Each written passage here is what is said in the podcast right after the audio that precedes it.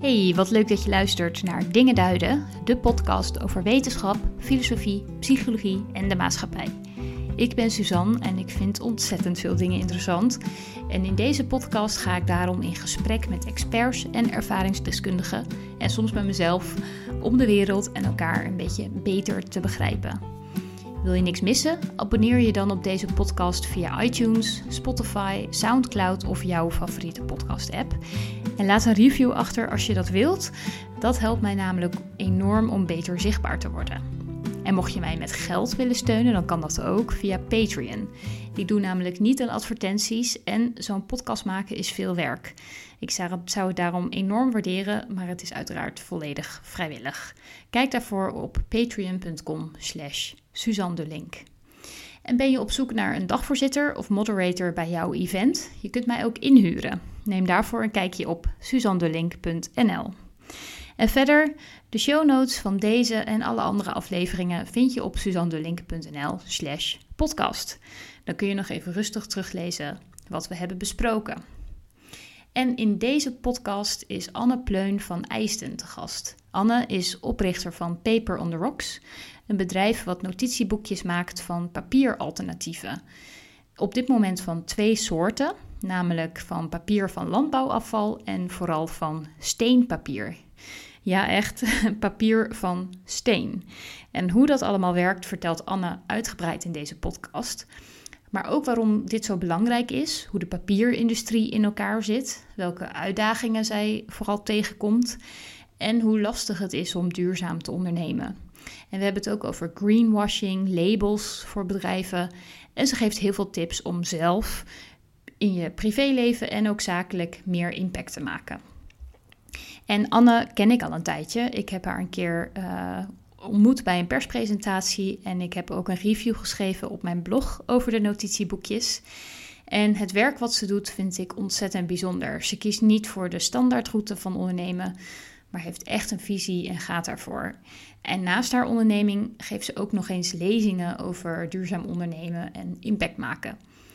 En het bleek dat zij, net als ik, in Amersfoort woont. Dus deze podcast moest echt een keertje komen. Nou, laten we daarom snel beginnen. Nou, welkom eh, Anne. Wat leuk dat je vandaag in de podcast uh, bij mij wil komen.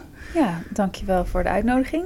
Ja, wil je, ja, voordat we beginnen, heel even kort uh, jezelf introduceren? Van hoe zou je jezelf omschrijven? Ja, nou, ik ben Anne Pleun van Eijsten, oprichter van Paper on the Rocks. Ik zou mezelf omschrijven als iemand met een nogal diverse achtergrond. Ik heb uh, geschiedenis gestudeerd en me gespecialiseerd in sociale bewegingen en revoluties. Toen heb ik uh, een tijdje in China gezeten om Chinees te studeren en daar een protest te onderzoeken. Daarna rechten en afgestudeerd in Europees recht, maar daar niet in gewerkt en naar Berlijn verhuisd om in e-commerce te werken.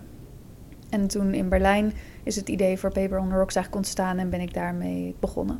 Ja, want daar was ik wel heel erg benieuwd naar. Want Paper on the Rocks is echt iets totaal nieuws, hè? of tenminste in Nederland, het steenpapier. Ja. Uh, hoe en wanneer ben je daar dan bijgekomen? Dat was in Berlijn, maar was er een aanleiding of iets waardoor je daar op bent gekomen? Nou, er was niet. Um, het was niet nieuw voor mij. Zeg maar, het was hmm. voor mijn omgeving waren wel verbaasd dat ik een bedrijf begon. Maar ik wist eigenlijk al toen ik best jong was dat ik graag een bedrijf wilde beginnen. Ja. En dat komt omdat ik iets goeds voor de wereld wilde doen. En ik zag dat heel veel mensen zo'n mentaliteit hebben van...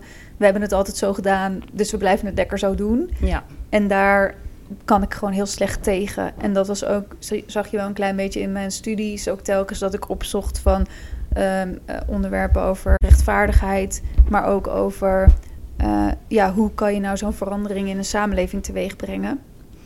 Uh, en tijdens mijn tijd in China zag ik ook dat daar die productieindustrie, die is daar veel aanweziger dan hier in Nederland. Hier zie je eigenlijk niet hoe jouw spullen worden gemaakt. En je hebt er dus ook geen last van. En dat vind ik best wel een zorgelijke ontwikkeling. In die zin dat als je daar bent, dan zie je dus het effect van de hmm. productieindustrie. Ja, want daar staan natuurlijk alle fabrieken. Of tenminste heel, veel. Ja. ja. heel veel wordt gewoon geoutsourced naar andere gebieden. En dan zit men daar in de troep ja. voor onze goedkope spullen of ook voor onze dure spullen trouwens. En wanneer was je in China? Ongeveer welk jaar? Uh, volgens mij was dat in 2010. Oh ja. Um, dus dat is best wel weer een tijdje geleden. Maar toen ja, zag je gewoon echt de paarse rivieren en gele rivieren. En dat je denkt van ja, dit klopt gewoon niet. Nee. Overal vuil. Toen heb- ben ik later nog een keer naar China geweest. En toen heb ik daar een aantal fabrieken bezocht. Het was zo'n soort handelsreis. En dan zie je ook wel zo'n onvoorstelbaar leven van mensen die in die fabrieken werken. Het enige wat je eigenlijk doet is 's ochtends naar de fabriek gaan en s'avonds weer naar huis gaan. En dat is je hele leven. Ja. Weet je wel. En het is echt niet rooskleurig hoe dat gebeurt. Dus toen had ik zoiets van die productieindustrie, dat is sowieso een kant die ik op wil om gewoon daar te zien eh, hoe je dat kan verbeteren. Ja. En vervolgens woonde ik in Berlijn en toen kwam er een bevriende ondernemer naar me toe en die zei van... hé, hey, ik ben bij een fabriek in Taiwan op bezoek geweest. Die maken steenpapier. Ehm, dat is een hartstikke goede ontwikkeling, want het is veel duurzamer dan normaal papier. En toen ben ik eigenlijk gaan uitzoeken van wat is er dan aan de hand ook in die papierindustrie. Wanneer Want- was dat, eh, dat je dat gesprek had? Eh, Het was in 2015. Oké. Ja. Ja, en toen was ik eh, zwanger. Dus toen had ik niet meteen dat ik dacht van... Yes, ik begin nu dat bedrijf. Dus het heeft wel heel even soort van ingewerkt van... Oh ja, ga ik hier wat mee doen? Eh, toen werd mijn dochter geboren en een paar maanden daarna...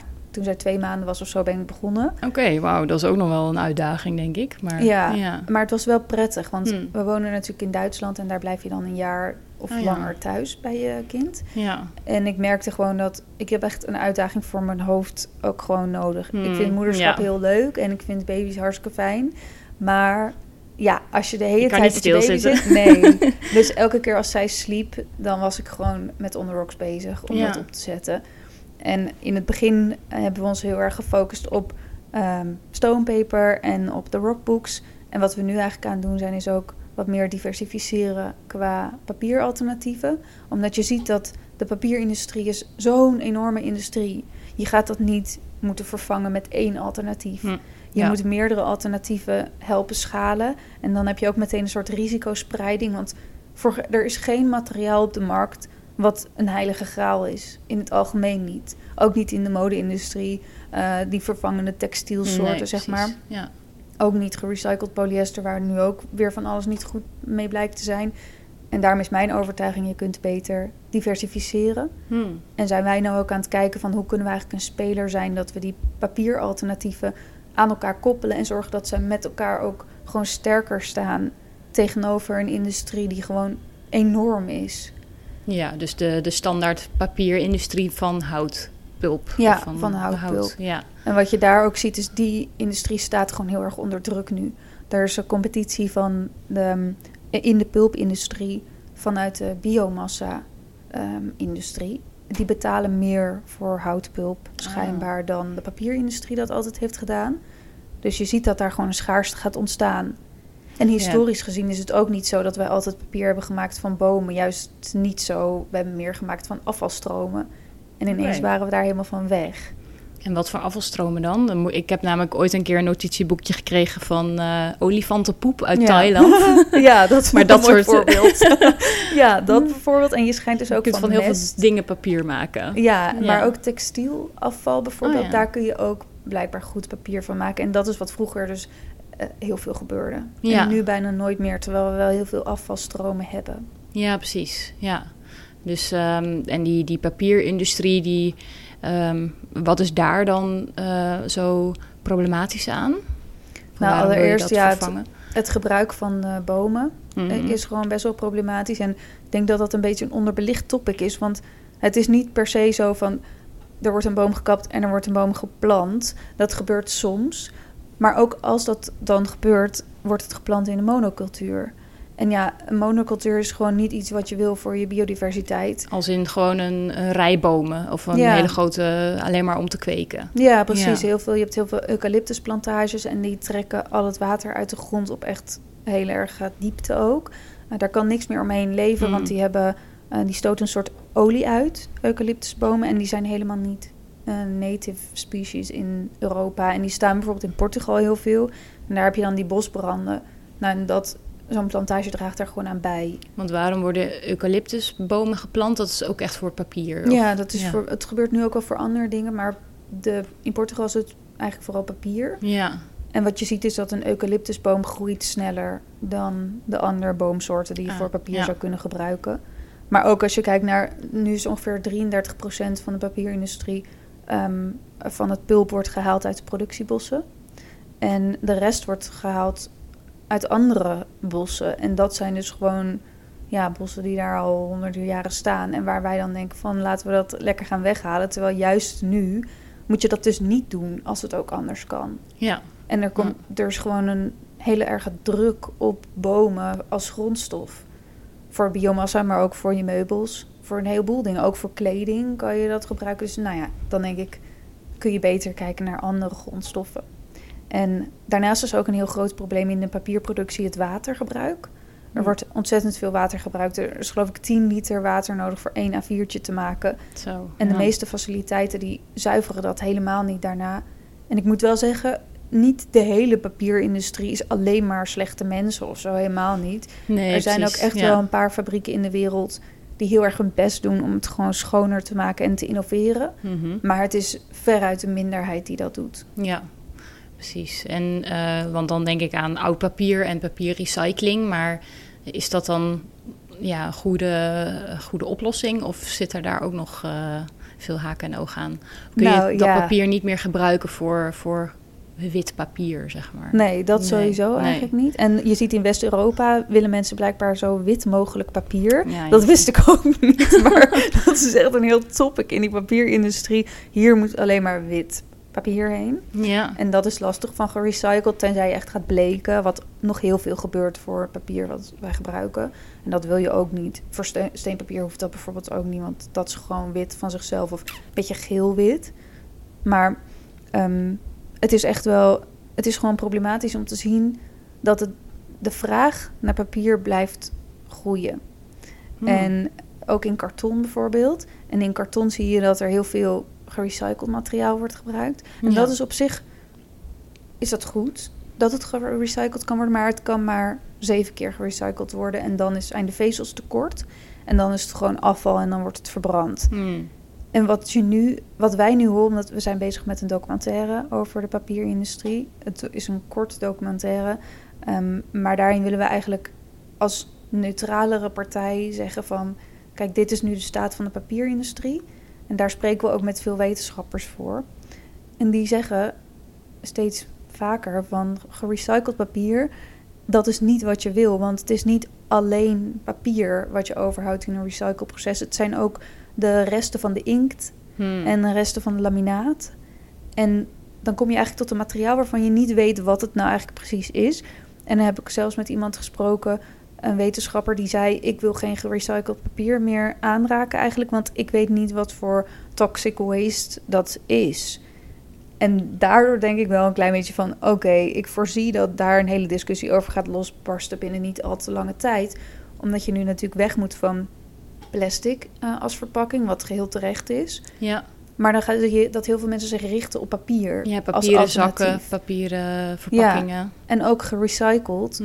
Nou, daar ben ik zelf ook een beetje van genezen. Dat ik dan bijvoorbeeld een, iets wat ik eet of een tandenborstel in een gerecycled papierverpakking. Ja, ik denk dat we daar wel goed over na moeten denken met z'n allen. Of, of dat is wat je wil. Want het is geen schoon proces. En dan moet je eigenlijk kijken naar de hele eh, printindustrie ook. Die Mm. inkten en die laminaten, dat, die zijn gewoon giftig. Heel vaak. Tenzij je echt kijkt naar bio. En dan bij bio-inkt heb je ook nog kleuren die meer giftig zijn dan andere. Oké. Dus het is een heel complex Ja, het is niet zo zwart-wit weer. Nee. Ja. nee, in dit geval is het helemaal niet zwart-wit. Nee. En hebben wij ook bijvoorbeeld met Paper on Rocks gemerkt dat we echt keuzes moeten maken van waar ga je je als eerst op richten als bedrijf om aan te pakken. En je wilt alles, tenminste, ik ben echt zo iemand van ik wil nu alles goed geregeld en dan eh, ben ik pas tevreden. Mhm. Maar dan merk ik nu echt in de afgelopen jaren, je moet ook gewoon geduld hebben. Ja, Je moet ook concessies doen in zekere zin. ja soms wel. Ja, ja. Ja, en dat is, als je kijkt naar het grotere plaatje, vind ik dat nu niet erg om te doen. Maar ik vind wel dat je ook binnen ons team we ons altijd moeten pushen tot zover mogelijk om het goede te doen. ja, precies. Ja, dat is ook wel jouw eh, uitgangspunt in, in Ja, Paper on the zeker. Rocks. Ja, Ja. oké. En, en dat steenpapier, hoe zit dat dan precies in elkaar? Want dat is niet alleen maar steen, neem ik aan. Nee. Het is niet alleen maar steen. Het is eigenlijk 80% of 85% steengruis. Wat een afvalproduct is uit mijnen. Dat wordt ehm, tot poeder gemalen. En dat poeder wordt door verhitting gemengd met een deel gerecyclede HDPE, wat een kunststof is ook. Mhm. Dus niet ideaal. Maar het zorgt ervoor dat het een cradle-to-cradle gecertificeerd materiaal wordt, wat je in theorie dus oneindig opnieuw kunt gebruiken en kunt recyclen. Oké, want Ehm. cradle to cradle betekent dat het volledig eh, hergebruikt kan worden. Ja, Ja. dat betekent het. En het dus geen verlies van materialen. Oh ja.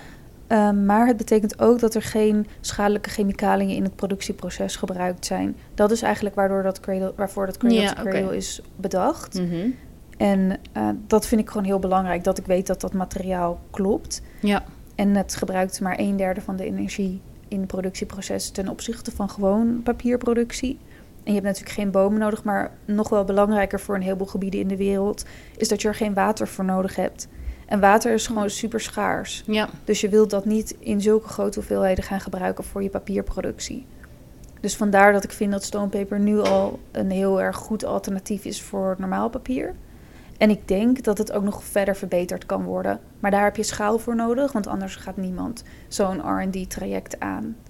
Ja, precies. Ja, want zijn jullie de enige in de wereld die dat doen? Of zijn er wel meer partijen die ook bezig zijn met steenpapier? Er, worden, er komen nu meer partijen. Oké. En daar ben ik eerlijk gezegd wel blij mee. Ik vind Ja, dat fijn. het is wel concurrentie, maar ja, wel Het- in de positieve zin waarschijnlijk. Precies. Ja. het verbreedt eh, de markt. En het is blijkbaar zo dat wij niet gek zijn geworden. Dat we denken dat.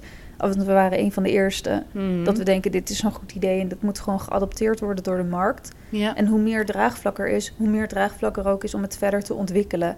En hoe meer aandacht het ook krijgt. En wat je wel ziet in de markt is dat er heel weinig transparantie is over hoe stonepaper wordt gemaakt en waar het uit bestaat. En dat vind ik zelf wel echt zorgelijk, omdat Hmm. wij als eigenlijk enige partij echt transparant zijn over waar het uit bestaat. En dat het dus niet biodegradable is. Maar dat is niet per se erg in die zin dat je mensen ook gewoon hun spullen goed moeten opruimen. Ook gewoon papier moet je niet in de natuur gooien. Dus die discussie ja, proberen we wel open te gooien in de industrie. Want het kan niet bestaan dat wij bijvoorbeeld een klant wel eens verliezen... die dan denkt dat een andere partij een ander materiaal gebruikt... wat wel biodegradable is en wij niet. Mhm. Terwijl we weten dat, het hetzelfde is. Ja, ja. Dus dat vind ik interessant. En waarom zouden ze niet transparant willen zijn voor, om te, vanwege concurrentie? Of, Nou, ik denk dat ze de discussie niet aan willen gaan. Wij hebben he- echt wekelijks discussies over het HDPE-aandeel Hmm. in het stonepaper. En ik ga die discussie heel graag aan, want het, het scherpt ons. Het maakt duidelijk dat ehm, het een goed materiaal is als je het goed uitlegt. Ja, Maar dat er ook nog verbeteringen mogelijk zijn. En ik vind dat dat helemaal niet per se erg hoeft te zijn. nee. Maar je krijgt soms hele, in het hele duurzaamheidsdebat zie je dat. Hele agressieve reacties van mensen die zich echt aangevallen voelen door wat wij doen. Ja, alleen al de term plastic of kunststof Ja. is al... eh, Dan is het meteen, oh nee, maar jullie Ja. zijn dan niet goed. Terwijl, nee, zo werkt het niet. Het is niet zwart-wit. precies, ja. En ja. ik denk dat de andere partijen gewoon zoiets hebben van, ja, ik ben wel geen zin in die discussie. Het is gewoon gemaakt van steen. En Ja. hars noemen ze dat dan vaak. Oh ja, Ja, nou ja, dan denk van wil je dat nou op de lange termijn? En wij hebben zo'n lange termijnvisie dat ik vind dat we heel transparant moeten zijn. Ook over het papier van landbouwafval wat nu is toegevoegd in het Leafboek. Dat hebben we vooral voor bedrijven tot nu toe beschikbaar. Maar dan, daar zie je ook, daar kan je ook urenlang over discussiëren. En wij willen die discussie dus niet uit de weg gaan. Hm, ja. Ja, want ik denk juist ook dat je daarmee eh, inzichtelijk maakt wat, eh, nou ja, wat de uitdagingen zijn van de hele industrie. En dat ja, eh, steenpapier nou ja, weer op een hele andere manier in elkaar zit. Maar dat dat, ja, dan zit er misschien wel kunststof in, maar dat water en hè, dat, dat cradle to cradle, dat zijn juist van die voordelen. Eh, Maar als mensen denken aan papier, dan, voel, dan klinkt dat natuurlijker of zo, waarschijnlijk. Maar, ja, dat is, het is echt de eh, is- perceptie bij ja, mensen. Dat, Maar dat, dat kan je dan juist gaan, eh, gaan nuanceren. In plaats van als je het uit de weg gaat, dan blijft dat beeld bestaan, waarschijnlijk. Dat denk ik ook. Ik vind het juist goed als je die discussie in de industrie aangaat. En ook ja, aan de industrie laat merken dat je die niet uit de weg gaat. En dat je. We willen niet de papierindustrie omverwerpen. We willen hem wel veranderen. En gewoon duidelijk maken dat een verandering nodig is. En daar eigenlijk iedereen in meekrijgen van. Hé, moet je kijken. het is heus niet allemaal helemaal verschrikkelijk. Het zijn ook mensen die het doen, maar het kan beter. Je hoeft Ja. niet altijd op deze manier door te gaan met je papierproductie. En je moet diversificeren in de markt. En dat begrijpen heel veel papierproducenten zelf ook. Hmm. Dat zij, zij kunnen gewoon niet zo verder gaan. Ehm, ja, want er komt een schaarste van grondstoffen. En die Ja. is er al soms. Ja, precies. Ja. En heb je nog, eh, eh, want je hebt dan nu het steenpapier en er komt nu dan, of jullie zijn ook bezig met dat, dat landbouwafval om daar papier van te Ja, maken. ja. Zijn er nog andere opties die ook heel goed zijn of waar jij ook nog aan zit te denken? Ja, er zijn nog wel twee andere opties die ik graag wil eh, bekijken. En de ene is eh, papier van mest. Hm, ja. Je kunt daar supergoed papier van maken. En de vezels zijn al verwerkt door de koeien. Dus Oh, ja. je kunt in principe, heb je de vezels al klaar. en je kunt daar dus ook textiel van maken, blijkt. Oh, wauw. Ja, en ik heb dat een beetje geresearched. En ik heb nog niet een partij gevonden die echt van 100% mest papier maakt. Want dat is bij ons wel de vereiste. Van, het moet 100% papierboomvrij zijn. Want dat is gewoon een soort van... Soms denk ik, je moet iets radicaler zijn in het begin... om in de, op het midden uit te komen dat je ook 50-50 mixen hebt van Dat je er ook nog, anders. ja, precies. Ja, ja. Ja, dus dat. En het moet schaalbaar zijn. Nou ja, mest, dat heb je op zich wel. Ehm, en je hebt eh, ook papier van kenaf. En kenaf is een familie van de hennepplant... waarvan je de blaadjes ook kunt eten. En dat heeft blijkbaar heel veel eiwit. En het smaakt een beetje citroenerig, dus ook nog wel lekker. Dat kun je dan een aantal keer oogsten... en dat, die stengels groeien ook heel snel. En van die stengels kun je papier maken. Oh ja. En in de jaren zeventig was er helemaal sprake van dat dat de toekomst van Oh, papier ja. zou zijn. En nu is het alleen nog maar, geloof ik, op één plek in Maleisië wordt het gemaakt. Hm. Terwijl dat wel veel potentie heeft, dat materiaal. Ja, precies. Ja, oké. Klinkt ook, eh, ook interessant. Want ook met hennep hoor je ook al wel steeds meer dingen... dat daar ook vezels of ook stof en zo van gemaakt kan worden. Hè? ja, Dat, eh, zeker. Ja, oh, interessant. En ja, wat zijn voor jou dan de grootste uitdagingen op dit gebied? Is het dan vooral die, hè, dat, die transparantie... of zijn er ook nog andere zaken waarvan je denkt... oeh, daar ga, dat is nog wel spannend? Nou, er zijn wel veel uitdagingen, denk ik, voor ons. Het is sowieso de perceptie van veel mensen dat papier een soort plakje boom is. Ja. En dat daar dus niet zo heel veel mis mee is. En ook het argument van als we geen papier van bomen meer zouden gebruiken, worden er geen bomen meer geplant. Is iets wat we echt heel veel horen. Oh, ja. En waar toevallig net een uitspraak is geweest van de reclamecodecommissie. Die heeft ehm, het stonepaper een soort van. Die wilde stonepaper ehm, ja, aanklagen. Maar het is de reclamecodecommissie, dus het is niet, heet niet aanklagen. Maar ehm, om te zeggen dat ze leugens verspreiden over de papierindustrie. eh, en hun eigen product dus niet transpar- transparant genoeg eh, vertelden. En dat zijn zeg maar de agenten van de fabriek waar wij Ah. ook mee samenwerken. Nou, Ja. toen hebben ze die zaak in eerste instantie gewonnen, de papierindustrie. En dat was allemaal iedereen blij van hun kant. Want jee, weer een alternatief aan de kant geduwd. En toen is dat, zijn ze in hoger beroep gegaan. Oké. En hebben ze het hoger beroep juist verloren, de papierindustrie. Omdat de reclamecodecommissie ook zei van... je kunt niet meer met droge ogen beweren... dat je als papierindustrie bijdraagt aan herbebossing... en niet gewoon bijdraagt aan een verlies aan biodiversiteit. Wat echt overal in rapporten wordt onderbouwd. Je kunt, nou ja, ik kan ze ook nog wel delen misschien... maar er zijn zoveel rapporten ook van Greenpeace... maar ook van wetenschappers die zeggen... dit papierindustrie is zo ontransparant, zo vervuilend...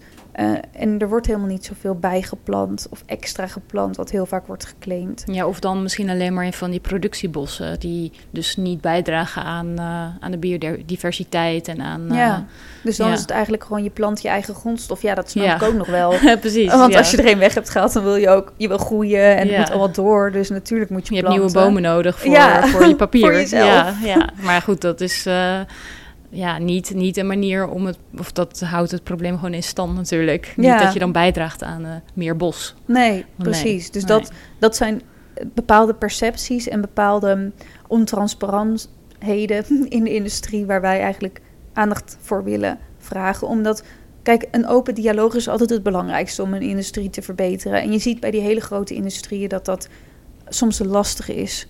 Ze staan niet echt open voor verandering of gesprekken. Nee. Dus dat is een uitdaging die we hebben. En tegelijk hebben we, ja, we zijn ook gewoon een bedrijf. Dus je hebt als startend bedrijf altijd de uitdaging van, je moet je organisatie wel groeien om ook impact te kunnen maken. Ja, precies. En daar zijn we, ja, zijn we veel mee bezig om te managen. Dat je aan de ene kant dat impactverhaal, dat je zelf goed op de hoogte bent, dat je goed genoeg met spelers in de industrie um, in gesprek gaat en je eigen keten bewaakt. Maar ook dat je zorgt dat je bedrijf een gezond bedrijf wordt. Ja, want dat is inderdaad ook wel wat ik me heel erg afvroeg. Want het is natuurlijk logisch, je bent een bedrijf, je bent een onderneming, jij bent ondernemer. Uh, ja, je wil natuurlijk ook kunnen groeien. Je moet je mensen kunnen betalen. Je wil zelf ook gewoon uh, kunnen leven natuurlijk. Ja, precies. dus het is, ja, je hebt je idealisme, hè, maar aan de andere kant heb je ook gewoon uh, ja, de economie en, de, en het geld verdienen. Ja. Heb je daar een goede balans in gevonden? Of wat is jouw visie daarop? Nou, ik denk dat mensen die een bedrijf starten met zo'n duurzaamheidsuitgangspunt... Mm altijd langer bezig zijn in de opbouwfase dan een bedrijf wat alleen maar bezig hoeft te zijn met een product maken, op de markt gooien en geld verdienen. Ja, precies. Dat gaat gewoon sneller. En bij ons zie je dat we bijvoorbeeld heel lang ook bezig zijn geweest met duidelijk maken aan media van er is hier echt een probleem. En duidelijk maken aan bedrijven van je moet overstappen van je gewone papieren boeken naar, uh, naar alternatieven. En wil je ons helpen? En daardoor heb je zo'n lange adem nodig in het begin.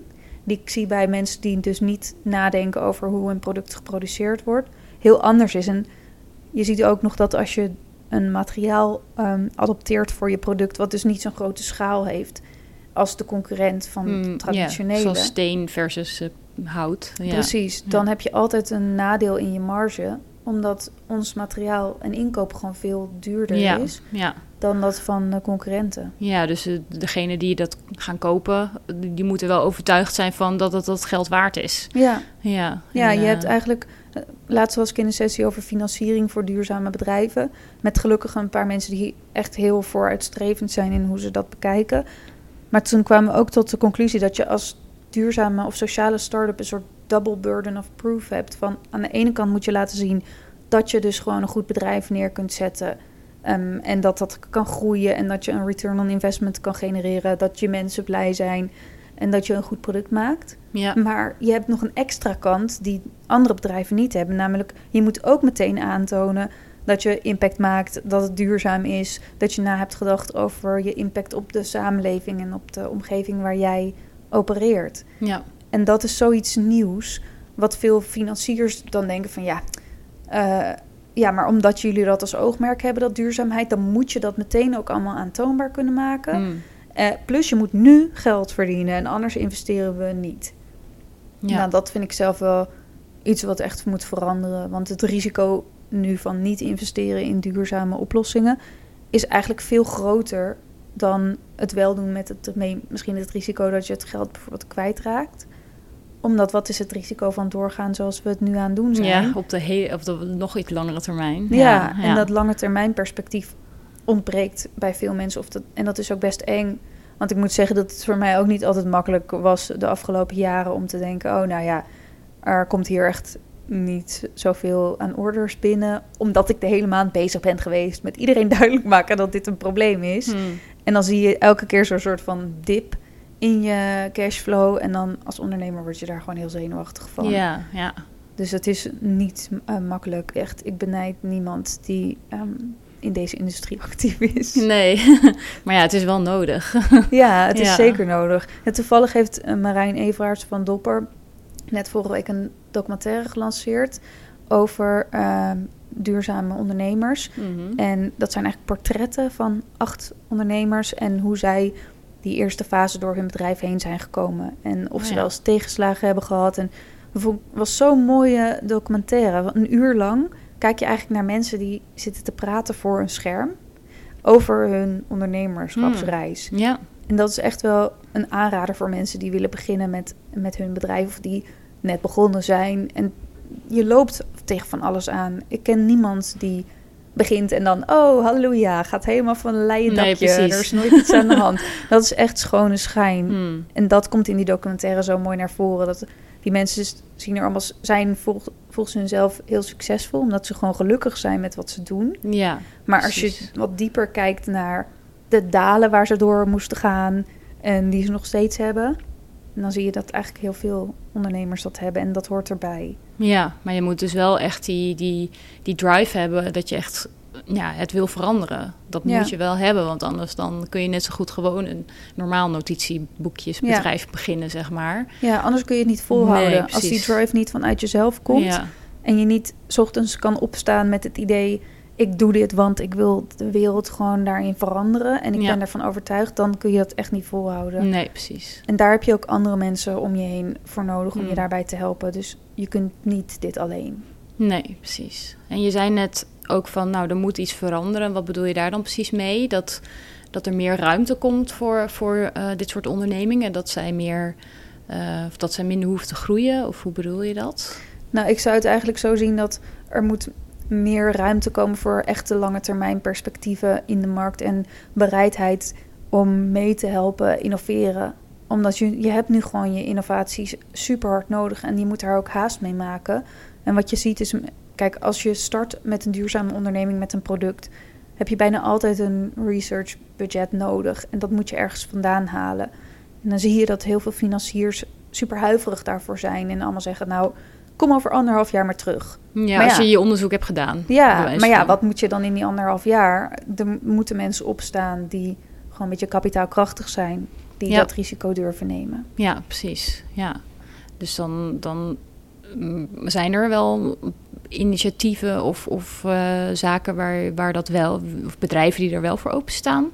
Ja, er zijn wel een aantal banken in Nederland die daar bijvoorbeeld goed mee bezig zijn. Triodos vind ik echt het beste voorbeeld Ja, van een bank waar ook gewoon mensen zitten die dit begrijpen en die dit vooruit willen duwen. ja, Maar je hebt ook eh, bijvoorbeeld Stichting Doen in Nederland. Die investeert echt in mooie projecten en die doen ook in research and development mee. Ehm, en Pim dat is Put Your Money Where Your Meaning is Community. Die investeren bijvoorbeeld ook in Fairphone, maar die zijn ook een van onze investeerders. ja. En eh, je merkt dat zij alleen maar gericht zijn op de lange termijn. En dus niet zo snel zullen gaan vragen van... hé, hey, maar wat is je omzet? Of wat is de Mm. omzetgroei? Maar eigenlijk vooral, wat is de impact? En wat is jullie visie daarop? Dus Ja. mijn tip zou zijn als je een duurzaam bedrijf wilt gaan starten... is om vooral na te denken, wat is je lange termijn visie?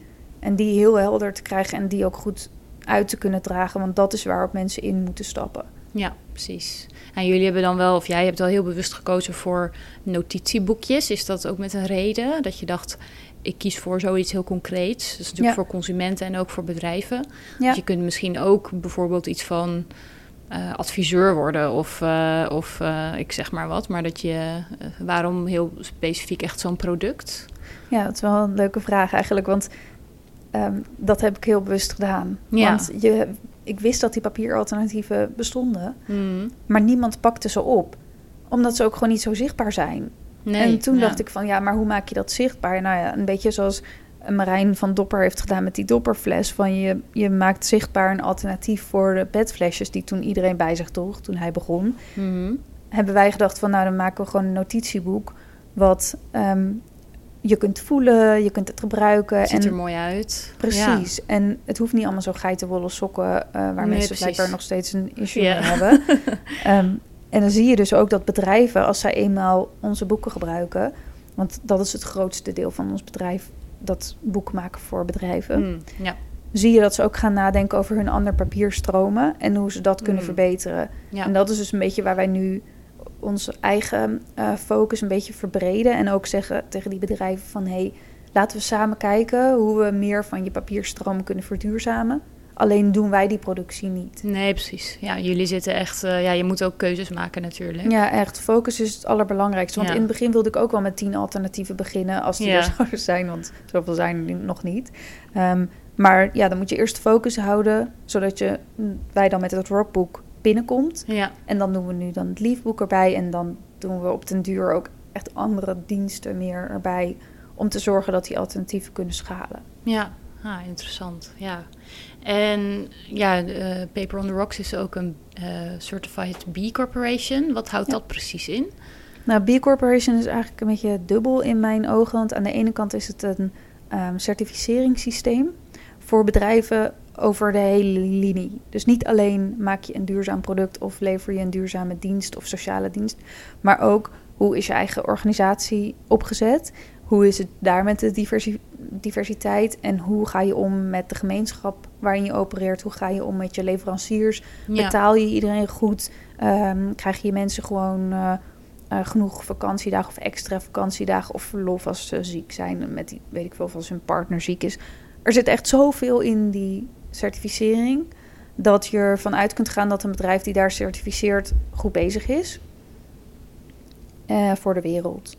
En aan de andere kant zit er bij B Corp ook gewoon de community van B Corp bedrijven, waaronder dus Dopper, Tony Chocolonely, Yoni, eh, Ben Jerry's, maar Danone bijvoorbeeld ook, Ecofair is ook een B Corp. Ja. En daar heb ik superveel aan gehad in het begin en nog steeds. Je merkt gewoon dat het bijna een ander slag mensen dan andere ondernemers. En daar kan ik echt heel gelukkig van worden. Ja. Om gewoon te zien dat je bent niet alleen Ja. als ondernemer die de wereld wil verbeteren en daar soort van bijna zijn leven voor geeft. Mhm. En die mensen helpen elkaar ook op andere niveaus dan als je bijvoorbeeld naar een netwerkbijeenkomst gaat voor gewoon ondernemers. Dan gaat het heel vaak over hoe groot is jouw bedrijf, hoeveel omzet heb je, Ja. hoeveel spullen verkoop je, eh, hoe snel groei je. Terwijl daar gaat het daar nooit over. Het gaat meer over eh, hoe gaat het met je impact, hoe kunnen we misschien samenwerken. Maar ook hoe ga je daar als mens mee om dat je eigenlijk in deze scene de hele dag wordt geconfronteerd met alles wat er niet goed is in de wereld. Ja. En wat je zelf niet goed doet, omdat je zo hoge eisen stelt aan je eigen product en, en Ja. bedrijf. En heb je daar dus ook wel eens gesprekken over hoe ga je om met de druk van klimaatverandering, Hmm. om maar wat te noemen. Perso- dat- persoonlijk en, en zakelijk. Ja. ja. ja. maar ook wel veel meer persoonlijk dan, dan in andere netwerken. Want ik denk dat dat een beetje onderbelicht is soms. Het is best zwaar als je de hele dag zit te denken aan wat er allemaal misgaat in de wereld. En ook dan nog, ik krijg wel eens pitches doorgestuurd of ehm, businessplannen van mensen die dan ook een duurzaam idee hebben. Mhm. Of je daar even naar wilt kijken en dan zit er altijd weer een soort van... oh, is dit ook al niet Oh, goed ja. in de wereld? Inderdaad, ja. Ja. ja. dat kan me voorstellen. Want het lijkt me ook best wel, in ieder geval als je dan in Nederland of gewoon in je, in je bedrijf aan het werk bent, kan me best wel voorstellen dat dat eenzaam voelt. Of dat je het gevoel hebt dat je echt in je eentje zo'n David versus eh Goliath eh, Ja. Precies dat. Ja. En bij B Corp zie je dat de meeste bedrijven daar dat gevoel hebben. Hmm, En dan met elkaar daar heel veel over in gesprek gaan. En, ja. en hoop zoiets belangrijks is in de community. En dat dat ook wordt uitgesproken. Dus mensen komen daar niet als... ik ben de CEO van mijn bedrijf. Nee, precies. Er komen ja. gewoon... ik ben een mens in de wereld... en ik wil graag andere mensen leren kennen. Ja. En dat vind ik zo bijzonder en verfrissend. Dat is wel echt uniek van B Corp. Hmm, ja. Ja, zijn er, zijn er ook nog andere eh, labels? Ja, je hebt natuurlijk al biologisch en eh fair trade en dat soort dingen. Maar eh, dat B, eh, B Corp is waarschijnlijk wel een soort van overkoepelend eh, Ja. label. Of ja, Maar ja, wat je ziet bij de anders eigenlijk dat ze heel vaak over één aspect gaan. Ja, ja, En B Corp pakt het eigenlijk allemaal samen. Ja. Dus daar vragen ze wel ook naar andere certificaten die je materialen of je bedrijf heeft. Maar voor mij is dit een, de meest belangrijke die er is. Omdat Ja. het voor mij ook een graadmeter is van hoe goed doet mijn bedrijf het. ja precies. Hoe blij kan ik ermee zijn. Ja, ja. En, en hoe kijk je dan bijvoorbeeld aan tegen grote bedrijven die wel iets met duurzaamheid hè, willen, omdat het ook goed is voor de naam, naamsbekendheid, dat greenwashing natuurlijk, wat ook Ja. wel veel in het nieuws is geweest. Ehm, ja, hoe kijk jij daar tegenaan? Ja, ik vind dat heel moeilijk. Ik kan je wel wat voorbeelden geven. Want in het begin was ik echt super anti grote multinationals die iets duurzaams gingen doen. Hmm. En merkte je ook trouwens weer bij B Corp dat daar zo'n sfeer hing van... oh, Danone die komt nu kijken of ze B Corp eh, certified kunnen worden. Ja, nee, dat gaan we niet doen. Nee, precies. Ja. Maar Terwijl zijn- je eigenlijk de grote bedrijven wel mee wil hebben. Ja, precies Ja, dat. ja. En Danone is nu in, volgens mij nu ook in Nederland en België... maar ook in de Verenigde Staten gecertificeerd als B Corp. En de vrouw die daar verantwoordelijk voor is... die is ook een van de ambassadeurs van Paper on the Rocks... En ik heb daar heel veel met haar over gepraat. Van hoe is dat nou? En zij zegt van... Je hebt grote partijen zoals Danone nodig. Hm. En je hebt binnen Danone dan mensen nodig zoals zij... die daar blijven pushen op... als wij nou al onze boeren, eh, biologische boeren laten worden... en niet gewoon opleggen van... we nemen alleen nog bij je af als je biologisch bent... maar gewoon zeggen... hier, wij hebben geld, wij hebben budget, we gaan je helpen Precies. om die ja. transitie te maken. Dan heb je zoveel slagkracht. Precies. Dus je kunt ja. niet zonder die grote bedrijven die echte veranderingen maken Ja. en dus ook echt oprecht bijvoorbeeld gaan certificeren als duurzaam. Ja, zo'n certificering krijg je ook niet zomaar, denk ik. Dus zo'n bedrijf Nee. moet ook wel echt, echt daadwerkelijk aan die eisen voldoen. Ja, zeker. Maar er zijn natuurlijk ook heel veel bedrijven die wel iets met... Hè, oh, we maken het logo groen. Of Ja. eh, we doen iets met... eh, we maken een... Zoals Shell zo'n, opeens zo'n, zo'n fles had gemaakt van, Ja, nou, met oh. recycled plastic of zo. Van, oh, we Ja. doen iets met duurzaamheid, weet je wel. Dan, ja, dan denk ik wel van... eh, maar hoe zit het in het hele bedrijf? Hoe zit het in de hele keten daar? Volgens mij klopt dat niet. eh. Dat is het moeilijke, vind ik. Want wij hebben ook wel, wij werken wel met mul- multinationals, ook Ja. Shell. Ehm, maar ook een ander bedrijf die ik ik ben niet zo van naming en shaming per se. Maar er was dus een Hm. bedrijf waar we mee samenwerkten. En het was een vet leuke samenwerking. En ik heb dat hele team ontmoet. Er zat een heel team voor duurzaamheid. Super intrinsiek gedreven mensen die echt wisten waar ze het over hadden. En dat programma is gewoon opgedoekt, omdat het geen geld opbracht. ja, En ja. dan denk ik van ja, ik helemaal niks verkeerds tegen die mensen, maar dat is gewoon de druk van de aandeelhouders of Ja. de mensen die geld willen verdienen en die het gewoon niet snappen. Mhm. Die dan zeggen: Oké, eh, hoeveel geld heeft dit opgeleverd? Niks, maar niet kijken naar wat voor impact heeft Nee, het opgeleverd. Ja. En dan zo'n heel ding sluiten. En Ja. dat vind ik greenwashing. Want dan heb je gewoon een soort van willens en wetens zoiets in de kiem gesmoord. Terwijl het je bedrijf echt verder had kunnen helpen. Ja, En daarmee andere bedrijven. Mhm. Maar zo- en zo'n fles, ja, toen ik dat zag van Shell, want ik heb die campagnes ook voorbij zien komen, had ik, ja, ik heb er wel mijn bedenkingen bij, maar tegelijkertijd, als het bijvoorbeeld gaat over onze boeken en ik weet dat zo'n bedrijf, Die Nu- nemen jullie boeken af bijvoorbeeld? Of hoe werken Ja. jullie samen? Ja, maar, ja, dus intern wordt er ook zeker wel... eh, is er die intentie waarschijnlijk ook wel. ja, alleen Ja. kan je natuurlijk nooit zeggen hoe zuiver zoiets is. Hm. Je kan niet zeggen van, nou, ik weet zeker dat ze het alleen maar doen omdat ze zichzelf goed willen voelen eh, Nee, en echt nee, iets goeds ja. willen doen, of Ja. dat ze het ook doen om naar buiten te laten zien dat het duurzaam is. Aan de andere kant maakt het voor mij met ons product niet zo heel erg veel uit, want door die aankoop helpen ze ons om die industrie te verbeteren. Ja, En dat is waar het ons om gaat. precies. Ja, je moet ook niet denken van... oh, we hebben een order van Shell. Eh, laat ik dat maar niet doen, want ik ben tegen Shell of zo, bewijs van. Want, ja, dat ja, schiet gewoon niet op. Dat schiet niet op, nee. En ik denk juist op de lange termijn eh, hebben we die grote bedrijven echt wel nodig om echt grote impact te maken. Maar het is meer van hun, eh, hoe zij zich naar buiten. Je wil natuurlijk niet dat zij alleen maar het voor, die, voor, de, voor de show doen of voor de. Nee. Nou, in het begin had ik dat ook.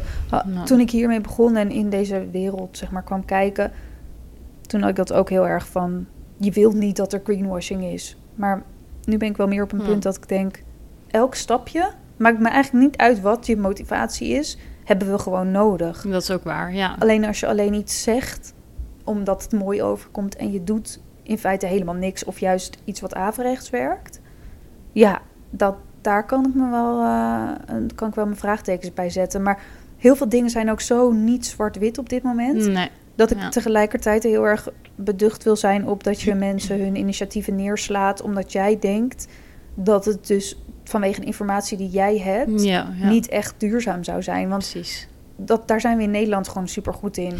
Bij alles van, oh maar, bla bla, oh maar dit, oh jij bedoelt het niet goed. Ja, Nee. of, of dat ze vinden van ja, maar je doet ook dat. Dus hè, bijvoorbeeld Ja. ook op persoonlijk niveau van je eet geen vlees, maar je gaat nog wel in het vliegtuig. Ja, Maar ja, toch juist het, de, de stappen die je al zet, eh, dragen al bij, zeg maar. Het is heel makkelijk Ja. om mensen neer te halen van... eh, ja, maar je hebt nog wel, eh, je koopt daar nog wel je kleding. Of, eh, ja, ja, en zo schiet je Ja, gewoon niet nee. op met z'n allen. Nee. Plus, ik, daar heb ik wel een best wel uitgesproken mening over... dat de hele debat op individueel niveau... daar ben ik het zo niet mee eens... dat we druk zitten te leggen op mensen wat ze thuis doen... Mhm. En daarbij vergeten dat de meeste volwassen mensen gewoon de meeste tijd doorbrengen in een bedrijf waar ze Mhm. werken. Ja, En daar veel grotere verandering teweeg kunnen brengen.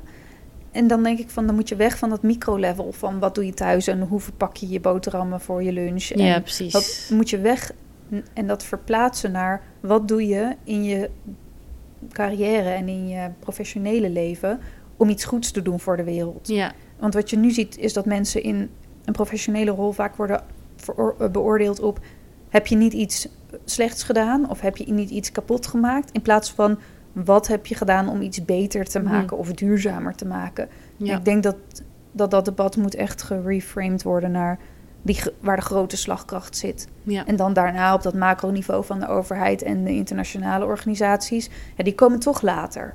Maar als we Mm. nu alle aandacht gaan leggen op... gebruik je wel een reusable rietje... Ja. waar ik op zich voorstander van ben...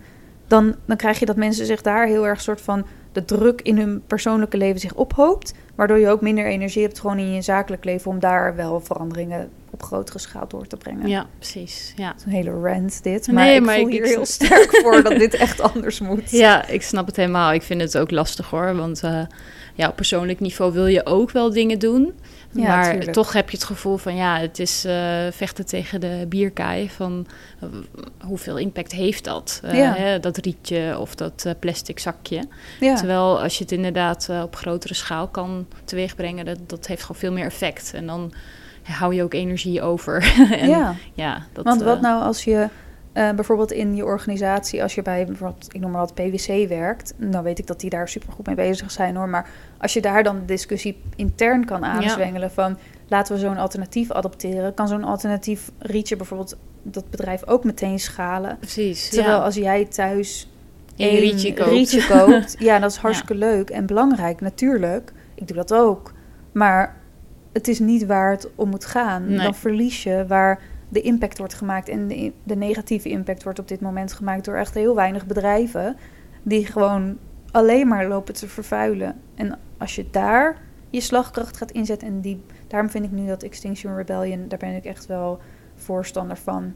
Je moet op een gegeven moment niet meer zeggen van we gaan lekker rustig. gaan overleggen. Ja, we gaan even polderen honderd Ja. jaar. Want dat is wat er nu al deed. Het is gebeurd. En dan zie je, dan gebeurt er niks. Dus je hebt druk vanuit de industrie, zoals eh B- Corp bedrijven bijvoorbeeld doen, nodig. Maar ook vanuit mensen die dus niet privé zeggen ook ga thuis mijn afval eh, nog beter scheiden. Waar ik nogmaals niks mis mee Nee, nee, vind. nee, nee. Ja. Maar misschien kun je beter zeggen: Oké, laat ik een keer meedoen aan zo'n protest. Of laat ik een keer online dan een bericht zetten over dat ik hiermee meeleef. Of dat Ja. ik dat belangrijk vind. Zodat het op grotere schaal impact Ja, of heeft. inderdaad. Dus ook, of als je het gevoel hebt, eh, je luistert hiernaar en je denkt van, nou, wat kan ik nou echt bijdragen nog meer? Dat je een keer gaat kijken van, kan je bij je werk een keer eh, iets met zo'n initiatief doen? Of kunnen jullie hè, dan een keer kijken naar andere, andere nou, notitieboekjes? Of hè, waar kun Ja. je een grotere impact maken? Ja, Ja, precies. Ja. Ik denk dat dat de beste inzet van je energie op dit moment is. Om die veranderingen ook gewoon snel te laten plaatsvinden nu. ja precies. En zijn er nog andere tips voor, voor, voor mensen of voor ondernemers? Eh, want je zei al van, eh, nou ja, eh, waar we het in het begin over hadden voor, voor ondernemingen. Maar zijn er nog andere dingen waar ze... Nou ja, stel je hebt al een onderneming. Ja. Hoe, hoe doe je dat dan? Hoe kan je dan misschien een duurzamere stap maken? Ik denk dat je dan bijvoorbeeld aan de hand van de B Corporation vragenlijst kunt kijken hoe goed je nou echt bezig bent en op welke punten je organisatie beter voor de wereld kan worden. Ja, Maar ik denk dat je, kijk, hoe groot of klein je organisatie al is, je kunt daar wel ehm, je verpakkingsmaterialen, eh, je energie van het gebouw, maar ook eh, hoe, hoe blij zijn je mensen. Dat vind ik ook nog wel een belangrijk onderdeel namelijk. Dat kun je allemaal onder de loep leggen. En het hoeft een belangrijke reminder niet allemaal in één keer. Je hoeft niet alles helemaal perfect te doen. Niemand kan dat. Maar daar stappen in zetten vind ik super belangrijk. En wat je ook echt moet herinneren als je ondernemer bent of wilt worden, is dat je het niet alleen moet gaan zitten doen. Hmm, Dus het risico is dat je in het begin met name weet het achter je computer gaat zitten en denkt dat je dan aan het werk bent. Terwijl mijn belangrijkste ding in het begin is geweest meer buiten de deur zijn dan achter mijn computer. En dan had ik heel vaak dat ik pas 's avonds kon gaan werken, omdat ik gewoon elke dag onderweg was en vier of vijf afspraken op één dag propte. En wat, om dan vooral heel veel te horen van andere ondernemers of Ja. eh, be- mensen die jij inspirerend vindt. Hoe pakken zij het aan? Ja. Dat soort dingen. Precies, en gewoon je netwerk uitbreiden. Hmm. Want netwerk in het algemeen Zichtbaar worden. En, Ja. ja. Je netwerk is nummer één. Hm. Dat merken we nu ook nog steeds eigenlijk. Dat doordat we door de jaren heen zo'n netwerk met, met het team hebben opgebouwd, dat je daar heb je wat aan en daar vind je ondersteuning en daar vind je op een gegeven moment ook samenwerkingen die je nodig hebt om het nog duurzamer te maken. Zijn er ook uh, netwerk evenementen of, of plekken waar je dan terecht zou kunnen als ondernemer? Ja, er zijn heel veel netwerken. Dus op een gegeven moment ben ik uit een heleboel netwerken gestapt, omdat het te veel was. Ja, ja. En maar dat is een goed teken. Dat, dat, ja, ja. hartstikke goed. Echt, als je eenmaal op zoek gaat als ondernemer... in het begin had ik ook wel eens dat ik dacht van... ja, maar waar moet ik nou toch weer heen? En hoezo wist ik niet dat het nu uh, National Sustainability Day was? En heb ik dat gemist? En was ik helemaal gefrustreerd, want ik moest toch overal heen. Hmm. En dan merk je dat hoe langer je meedraait, hoe meer je weet van... oh ja, dat, dat congres bijvoorbeeld komt er weer bijna aan. Uh, nou ja, gaan we daar dit keer heen, ja of nee? En nu spreek ik zelf best wel veel op events ook. Um, dus uh, nu hebben we iets meer de regel met het team... dat ik in principe alleen ga als ik zelf ga spreken. Omdat hm. ik anders gewoon nooit meer thuis ben, zeg maar. Nee. dat is ook niet helemaal de bedoeling. Nee. Uh, maar ik kan echt aanraden, ja, kijk, kijk in jouw niche, in jouw vakgebied. Maar ook vanuit MKB Nederland zijn er echt allemaal netwerkgroepen, regionaal en Maar ook wel echt gericht op duurzaamheid of wel Ook, ja. maar ook bijvoorbeeld op uh, um, jonge ondernemers heb je best hm. wel veel... Um, je hebt uh, natuurlijk bijvoorbeeld voor B Corp, daar zit heel veel wat ook open is voor iedereen. Oké, ja. En dan kun je dus echt in contact komen met die koplopers op dat gebied. Ja. Wat je gewoon heel erg kan helpen in het begin. Um, maar ja, je hebt ook van die dagen, dus zoals National Sustainability Day. Uh, dan heb je van Sprout ook veel events. En je hebt Amsterdam Capital Week. En je hebt nu ook steeds meer um, um, events specifiek voor vrouwelijke ondernemers. En ja. netwerkclubs daarvoor daar heb ik ook bijna allemaal bij aangesloten gezeten, maar ook nu gezegd van je moet, je moet keuzes, maken. Ja, ja, focus houden en ja. ja. ja, Maar eerst uitproberen is altijd goed. Kijken waar jij je ook goed bij voelt. Wat, uh, waar je past. Ja. Want je past gewoon niet overal bij en dat hoeft ook helemaal niet. Nee, precies. Ja. En ja, hoe, hoe, hoe ga jij dan, uh, hoe kijk jij dan naar uh, hè, alle ontwikkelingen op het gebied van duurzaamheid? En ben je daar wel optimistisch over dat we dat hè, met die B-corps en, en nou ja, mensen daar ook steeds meer bewust van zijn. Ben je er wel optimistisch over? Of heb je het gevoel van, nou, uh, ik, weet het nog niet uh, hoe dit gaat uh, lopen allemaal? Nou, ik, het belangrijkste voor mezelf vind ik om altijd uit te gaan van hoop. Hmm. Dat klinkt een beetje suf of zweverig misschien, maar zo is het niet per se bedoeld. Het is meer als je geen hoop hebt, dan kun je ook niet meer bewegen. Want dan, wat, waarom doe je het dan? Mm, ja. Dus dat probeer ik voor mezelf altijd aan te houden. Uh, en daar mezelf ook wel op te controleren. Als ik bijvoorbeeld een dag heb gehad met lezingen van mensen die um, heel erg in de klimaatonderzoekhoek zitten. Daar kom ik meestal heel niet blij vandaan. Kan me voorstellen, ja. Ja, en dan probeer ik altijd voor mezelf me erop te richten van... ja, oké, okay, maar ik heb hoop dat in ieder geval wat ik aan het doen ben een positieve bijdrage kan leveren. En dat uh, er altijd dingen te redden vallen of te verbeteren zijn. En er was ook, ik heb een keer een interview gehouden met iemand die ook in, een B Corp bedrijf zit. En die, uh, hoe heet dat boek nou ook alweer? Um, ik kan het zo wel even opzoeken en dan kan ik het wel ja. doorgeven. Ja. Maar er, oh, Drawdown, Project Drawdown heet dat oh, ja. boek. Ja, dat is niet echt een leesboek, maar daar staan allemaal projecten in die kunnen bijdragen aan het onttrekken van CO2 uit de atmosfeer. Oh ja. Uh, en het verbeteren van biodiversiteit. Een van de mensen die betrokken was bij dat boek heb ik geïnterviewd. En aan hem had ik gevraagd van, hoe hou je hoop? Ja. En toen zei hij van, nou, het is voor mij altijd duidelijk geweest... dat ongeacht de uitkomst ga ik niet in mijn leven zitten kijken hoe alles misgaat. Hmm. Dat kan ik niet. En ongeacht of mijn bijdrage nut zou hebben in de toekomst... of dat we in de toekomst denken, oh, het heeft het alleen maar erger gemaakt... dat maakt niet uit, want voor nu was dit door de informatie die ik had de beste keuze die ik kon maken. En kan ik dan s'nachts slapen en ook tegen mijn kinderen zeggen: Kijk, ik heb echt niet bijgedragen aan uh, die destruction. Want dit was de info die ik had. En daarom heb ik die keuzes gemaakt. En ik heb me altijd ingezet voor een betere uh, wereld. Ja.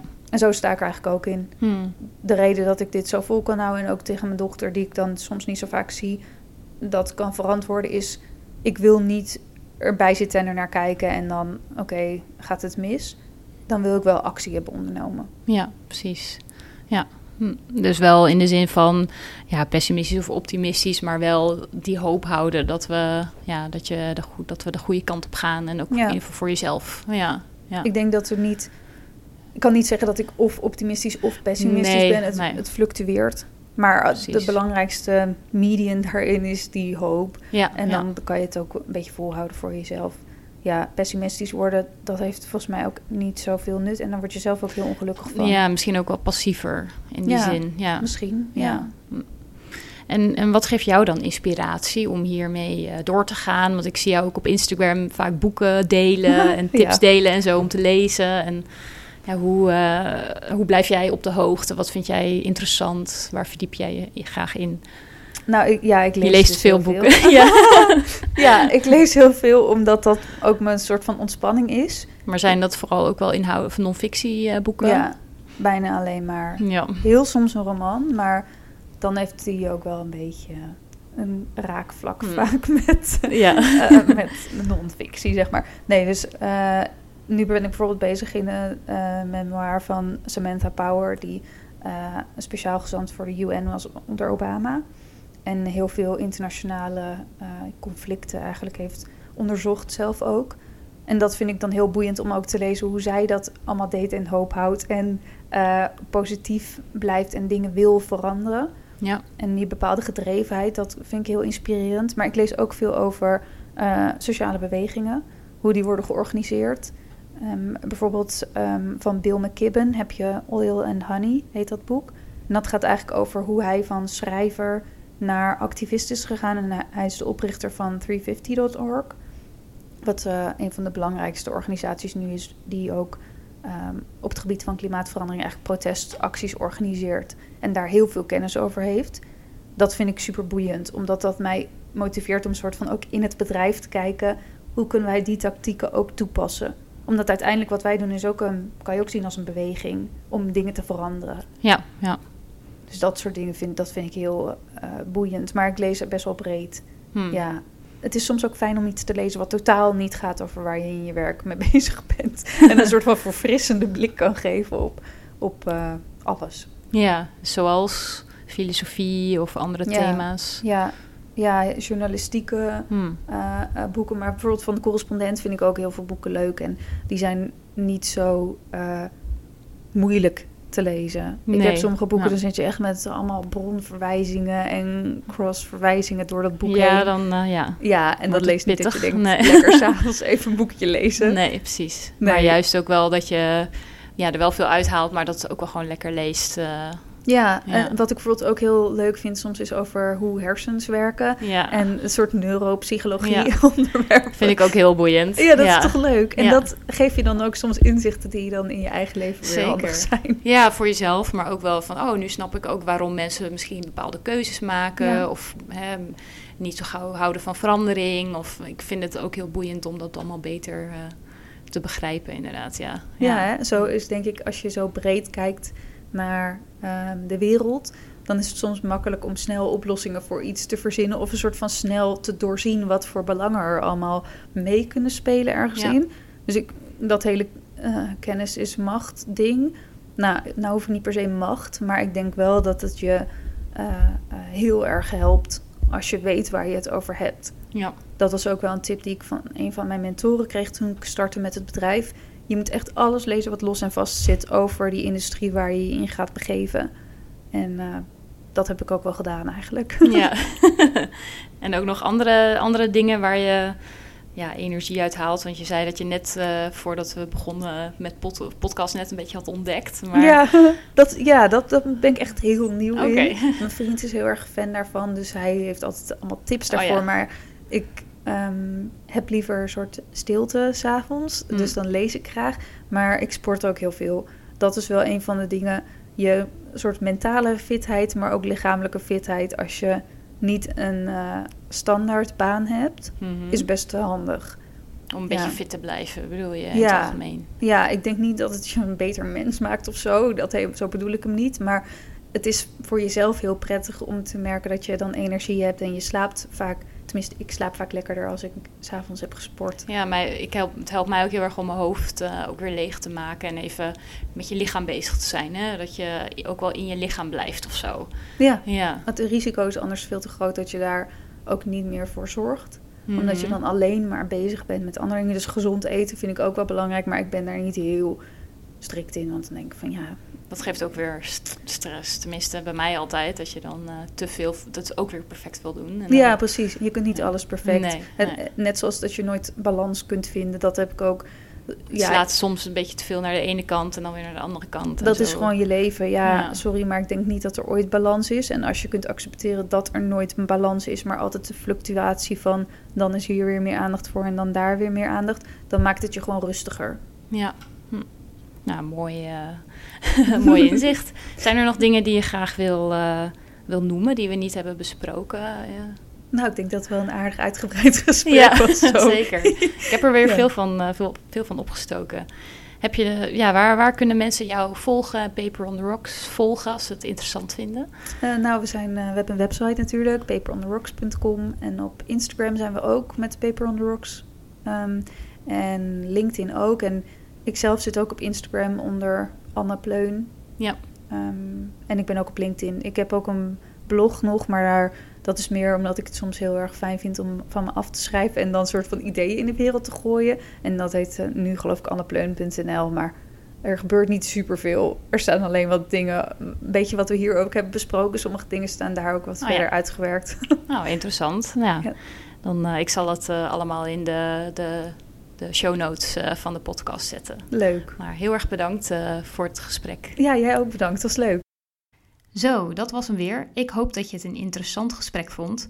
Wat ik vooral meeneem is dat het allemaal niet zo zwart-wit is, ook wat betreft duurzaamheid. De focus op het individu is op dit moment heel erg groot, terwijl we eigenlijk het meeste verschil maken in het bedrijfsleven en natuurlijk ook de overheid. De show notes van deze aflevering met de boekentips en de websites vind je op suzandelink.nl slash podcast. Daar vind je ook de 32 andere afleveringen. En vergeet je vooral niet te abonneren op deze podcast via, via Spotify, iTunes of jouw favoriete podcast-app. En als je het heel erg tof vond, laat dan vooral een review achter. Ontzettend bedankt voor het luisteren en tot de volgende keer. Doei!